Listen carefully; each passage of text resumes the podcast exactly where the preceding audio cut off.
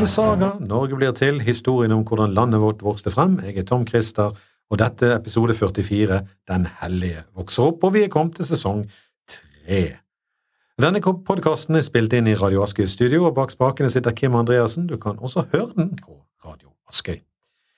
Olav Haraldsson er altså født. Med litt hjelp fra Ranes gravrøveri og Olav Gerstadals belte ble han forløst og kom ut av sin mor.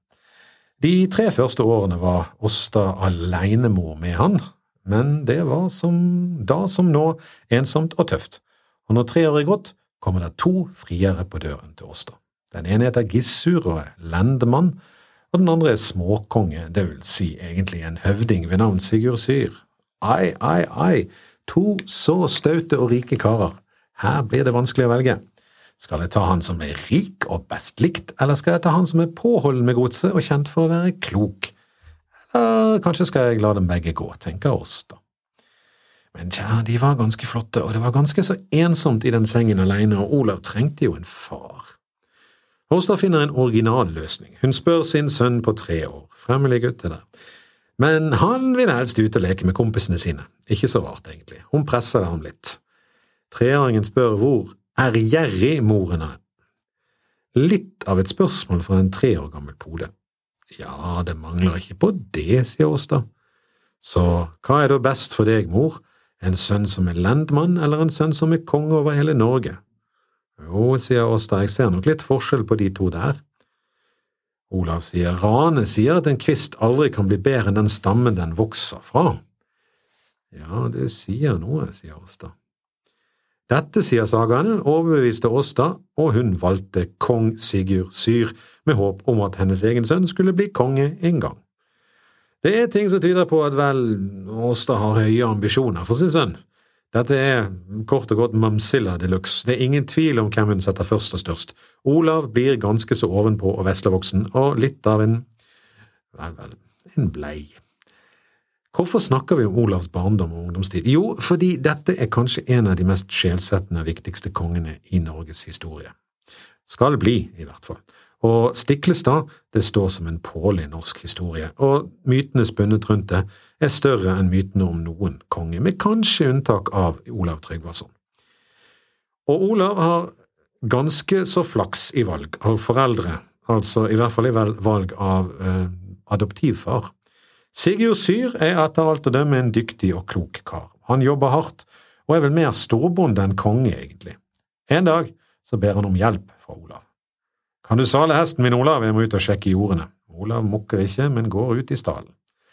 Der henter Olav den største geitebukken han finner, og saler den og tar den med til Sigurd. Det er lett å se at du ikke vil gjøre som jeg sier, men hvorfor, spør Sigurd. Fordi riket ditt målt mot andre konger er som denne geiten i forhold til en hest. Ja, da ser vi hvor ulike vi er, sier Sigurd. Det er helt tydelig at uh, Olav og Åsta har ambisjoner for Olav, og syns at Sigurd kanskje er litt treig. Da Olav var åtte år gammel, får han øye på sverdet som Rana hadde funnet i gravhaugen til Olav Geirstadalv. Det sverdet het Blesing, og han skulle få det til syvende og sist, som Rane hadde lovet spøkelset til Olav Gerstadalv. Dette med disse sverdene virker litt rart, men det har seg sånn, som vi har nevnt tidligere, at det var enorm forskjell på kvalitet i jernet eller stålet og på håndverket. Norske sverd var ikke like gode som de som kunne finnes for eksempel i Frankrike, og det kunne bety forskjellen på liv eller død. Når Olav ser dette flotte sverdet, vil han ha det med en gang. Det er vel ikke så uvanlig for en åtteåring. Åsta gir etter, vel, det kan synes som om Olav egentlig griner seg til det, og vi kan se det for oss, vi som har barn sjøl. Sigurd Syr syns ikke noe om det. Han syns det ser helt tåpelig ut, der Olav drar med seg sverdet som er større enn han sjøl og altfor stort for han, og skraper det langs gulvet. Sigurd er redd for at dette flotte sverdet skal bli ødelagt, og det er ikke helt uten videre å reparere et sånt sverd igjen. Olav ser ut som en hobbit der han går rundt og drar på et altfor stort sverd. Men hobbiter var ikke oppfunnet ennå, og uansett, Sigurd hadde rett, han så altfor vekslevoksen ut, og folk lo litt bak ryggen på ham. Sigurd går til Åsta og sier, ja, altså, jeg skjønner at det ligger i kvinners natur å gi etter for barna sine, noe som ikke er nødvendig, samtidig som de ikke har det som trengs for å si nei. Det virker kanskje ikke som Sigurd akkurat er noen diplomat. Åsta har ikke lyst at sønnen skal bli skuffet. Ja, om du klarer å få sverdet fra han uten at han begynner å grine, så er det greit, men jeg orker ikke grining og hyling, altså. Den skal Sigurd ha, han gjør et forsøk. Han snakker flere ganger med Olav og tilbyr ham å ta vare på Blesing for han. Nei, nei. Olav har lagt sin elsk på sverdet. Den kjærligheten, den skal holde livet ut. Til slutt har Sigurd mast så mange ganger at Olav blir lei. Han trekker sverdet og peker sverdspissen mot Sigurd. Hvorfor gir du meg ikke sverdet med håndtaket eller i sliren, sier Sigurd. Olav svarer. Vel, jeg har ikke styrke til å nekte deg å ta det fra meg, men jeg gir det ikke fra meg uten at jeg sjøl holder slire og håndtak. Sigurd får etter hvert en slags respekt og hug for dette veslevoksne, bortskjemte kongsevnet. Det skal sies at Olav ikke gjør noe som helst for å gjøre seg fortjent til den hugen. Tvert imot, han oppfører seg rett og slett som en liten drittunge. Når Olav er ti år, får han beskjed av fosterfaren sin om å slakte litt budskap for et veidsle.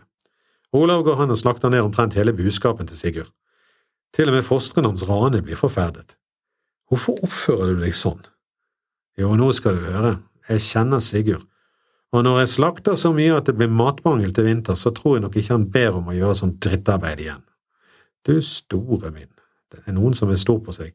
Du kan nesten lure om dette egentlig er sønnen til Sigurd Storråde, og ikke til Harald Grenske og Åsta. Sagaene gjør kolbøtte for å fremstille alt Olav gjør som positivt, og her påstår den at dette var et forsvarsel om hvor gavmild Olav ville være. Mon det. Jeg tror norgeshistorien skylder Sigurd Syr ganske mye, egentlig, for hans tålmodighet med denne rabagasten. Det er åpenbart at Åsa og Olav mener at Sigurd var for lite konge, at han ikke kriget og erobret mer land, men bare dyrket jorden. Han hadde ikke så mye valg, han var nok en vasall under danskekongen, av flere vasaller. Men det kan nok tenkes at Sigurd Syr tar det hele som en lettelse når Olav tolv år gammel finner ut at nå, nå vil han en viking, men helt begeistret er han ikke, for Olav mener at Sigurd skal fikse skip, våpen og mannskap. Ikke lite krav står han her. Sigurd treger. Hosta sier jeg vil at du gjør det, ellers kommer han bare til å fortsette å be, og da vil du angre på at du sa nei. Jeg synes det er vanskelig å gå mellom din gjerrighet og det han fortjener. Ja ja, men sann, vel, happy wife, happy life, som sagt så gjort. Olav får sitt skip, sine våpen og sitt mannskap. Rane blir med som høvedsmann, den gamle gravrøver blir Olavs mest trofaste våpendrager. Før han drar, har Olav utmerket seg på alle vis. Han har fått tilnavnet Olav Digre, ikke fordi han er vel mm, feit, men fordi han er en liten kraftplugg av en kar, sterk og firskåren. Sagaene beskriver ham som best i alt og er veldig opptatt av å være det, men slikt skriver de om alle konger av en viss ry, men han er nok sterk og oppvakt. Ellers har han ikke fått dette tilnavnet. Én ting vet vi ganske sikkert, og det er faktisk at Olav er en god skald. Der er etterlatte kvad fra han, men de er Jeg kan ikke lese de opp her, for de er ofte temmelig pornografiske, så det går ikke. Vi får heller ta et som han skal ha diktet da kompisen falt av hesten. Fyll hornet, kone, Randveis falt av hesten, der karene red, sogningene kunne ikke, skikkelig fare på oppsalte dyret, fyll hornet til deg og meg. Et spotterim som det kunne ha ført til holmgang, men han som ble utsatt for det, tok det med overraskende godt humør og diktet rett tilbake. Fyll hørende kone, jeg hører Olav moret seg da han gjorde det store under og sale for stefar sin, en bukk å ri på, bring hornet til deg og meg. Ganske smart, egentlig. Ved å si det slik slapp han unna skammen og rettet Olavs blikk mot sin stefar i stedet, og den gangen han salte en, en geit for han. Olav likte tydeligvis å klage på Sigurd. Men nå var han på vei bort, og Sigurd skulle endelig få fred. Olav seiler av gårde med Sigurds skip og Rane ved roret, og første stopp er Sverige eller Sveaveldet. Han syntes de fortjente hevn for at Sigurd Storråde hadde drept hans far. Det var selvsagt ikke sveernes skyld, det var jo den skingrende sinnssyke og den eneste som var like stor på det i Norden som Olav Lån sjøl og hans mor, med andre ord Sigurd Storråde som hadde gjort det, men for enkelhets skyld delte Olav ut kollektiv skyld til alle svensker. Den der har visst holdt seg til våre dager, og alt startet med Sigurd, Sigrid Storråde.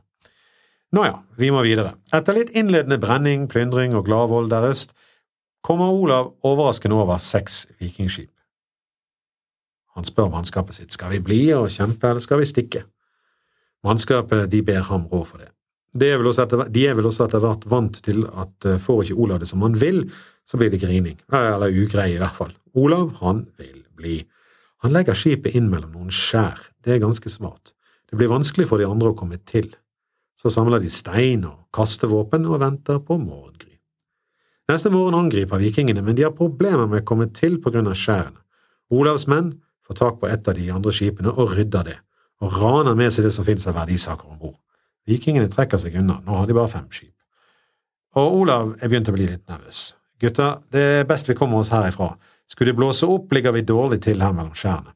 Som sagt, så gjort, og de seiler av sted. Når vikingene oppdager dette, legger de seg i kjølvannet og forsøker å ta igjen Olavs skip med sine fem skip. De haler innpå siden deres skip er mindre og lettere, men Olav har et stort forsprang. Det Olav gjør så, fungerer bare for ingen har kikkert på denne tiden. Han gambler på at forfølgerne ikke ser de helt tydelig der fremme. Han lårer eller senker seilene og seiler sakte. Hallo, hva er det han gjør, var det ikke nettopp kamp de ville unngå ved å komme seg raskt unna? Men fra de bak ser det derimot ut som om skipet forsvinner i det fjerne fordi seilet blir mindre og mindre. De ser det store seilet på avstand, og det store seilet forsvinner for dem. Det er genialt, og vikingene gir opp da de tror at de ser et skip som forsvinner i det fjerne over horisonten. Heldige Olav kunne også vært et tilnavn. Bare for å understreke det, på natten lurer Olav og co. seg tilbake. Noen av hans beste menn sniker seg innpå og dreper vaktene til vikingene. Så tenner de på et tøystykke for å vise hvor det er trygt å komme i land. Alle sammen tar seg frem til teltene til vikingene, og du gjetter det sikkert, de tenner på teltene så vikingene brenner inne. Noen få berger seg ut, blant annet en av lederne, en tord. Han overgir seg sporenstraks og går i tjeneste hos Olav. Han var en luring, Olav. Eller kanskje var det Rane som var luringen? Det vet vi ikke. Men nå får de det for seg at de skal plyndre langs Mælaren, altså denne bukten med skjærgård og elvemunninger som munner ut ved dagens Stockholm. Det er en fryktelig dårlig idé. Mælaren er god plyndring, men det er også klin umulig å komme ut, for eh, ved utgangen der ligger eh, svenskekongen. Inn der forviller Olav seg på plyndringstokt, men nå har svenskekongen fått nok. Han stenger sundet med kjettinger og mobiliserer. Nå skal denne oppsetsige nordmannen tas. Men igjen finner Olav eller Rane på en list. Mæleren er flomstor, og i nattens mulm og mørke graver de en grøft fra innsjøen ut til sjøen. Det høres voldsomt ut, men det som mest sannsynlig skjer, er at de graver en renne som når Mæleren, og ut til sjøen, og når Mæleren er flomstor, er det nok til at vannet bryter gjennom og graver videre til det blir et nytt løp. Ut farer Olav med heisteseil til Sveakongens forbannelse. Dømre det unge, hu gir deg meg! Men Olav drar ikke i snekkerbua, han drar til Gotland. Gotlenderne de er møkk lei av vikinger og tar en engelsk fri. Danegeld, eller Olavsgeld, eller norske geld, alt etter sånn. De betaler seg ut, de tilbyr ham skatt av landet, og der sitter Olav og er skattekonge den vinteren. Svært svensk og sosialdemokratisk, det der. Vi har et problem, vi øker skattene og løser det sånn. Tax and spend. Politikk på høyeste eller egentlig laveste nivå. Det sies at kongen syntes om dette. Ja, det kan jeg vel tenke meg at Olav gjorde. Hei, gjør dere klar til plyndring! Hvem er det som kommer der med et hvitt flagg? Bueskytter, gjør klar til… Nei, vent, Olav, vent, la oss høre hva han har å si. Jaha, du. Neimen, hva var vi ni her, da? Plyndre og røve. Nei, det er da fruktansvært kaotisk. Kan vi ikke løse det her på et litt mer sivilisert sett? Sivili... Vi er ikke en sivilisasjon, vi er vikinger, og det er usivilisasjonen vi er, for å si det sånn. Jaha da, nei, skal det være på det settet da, vil ni ikke ha skatten? Skatten? Ja, vi, vi, vi tänkte att vi, vi kunde betala er, ja, un, ungefär så mycket som om ni rövade och plyndrade och våldtog. Ja, inte våldtog ting ändå, den, den kan vi inte skatta. Jaha, altså det gir det til oss uten kamp? Just precis. Olav og Rane ser på hverandre. Ja. ja, hvorfor ikke forsøke den? Den er grei. Så Olav overvintrer på Gotland og tar inn skatter. Men han er ikke ferdig i Viking ennå, nei, langt derifra, men kanskje ferdig med Sverige. Hvor han drar nå, det får du vente til neste episode av Saga Norge blir til for å høre. Men før vi slutter av uh, med dette, så uh, har vi tenkt å starte en litt ny tradisjon her i disse episodene. For et av de mest fantastiske verkene som finnes fra vikingtiden, er Håvamål, og vi skal starte med å lese litt fra Håvamål ved slutten av hver episode. Og da begynner vi rett og slett på slutten, ikke på slutten, nei, på begynnelsen av Håvamål. Eh, og dette er en blanding av ordtak og visdom som fortsatt er greit å ha med seg. Det første verset i Håvamål, det lyder sånn. Augo du bruker før inn du gjeng, i kott og kråkom, i kott og krokom, for det er uvisst å vite hva uvena sitt føre din fot. En liten advarsel for å være godt forberedt og se seg godt om. Og nummer to er Sæl den som gjev, gjest inn er innkommen, kvar finner han sess åt seg, brå vert den som på brandom skal sitje og føre æren fram. Og det som egentlig står der, er at uh, du skal være gavmild, og du skal behandle gjesten din godt og gi han et godt sted å sitte, fordi at uh, hvis han sitter bare på en krakk eller uh, i en krok, så blir han sint og sur. Det var de to første versene fra Håvamål.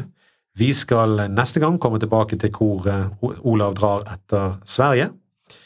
Jeg er Tom Christer Nilsen, og har du spørsmål eller kommentarer, så kan du sende de til tom.christer.gmail.com. Kim Andreassen har styrt spakene her i Radio Askøys studio, og siden vi skal dra fra Sverige, så sier vi hei då!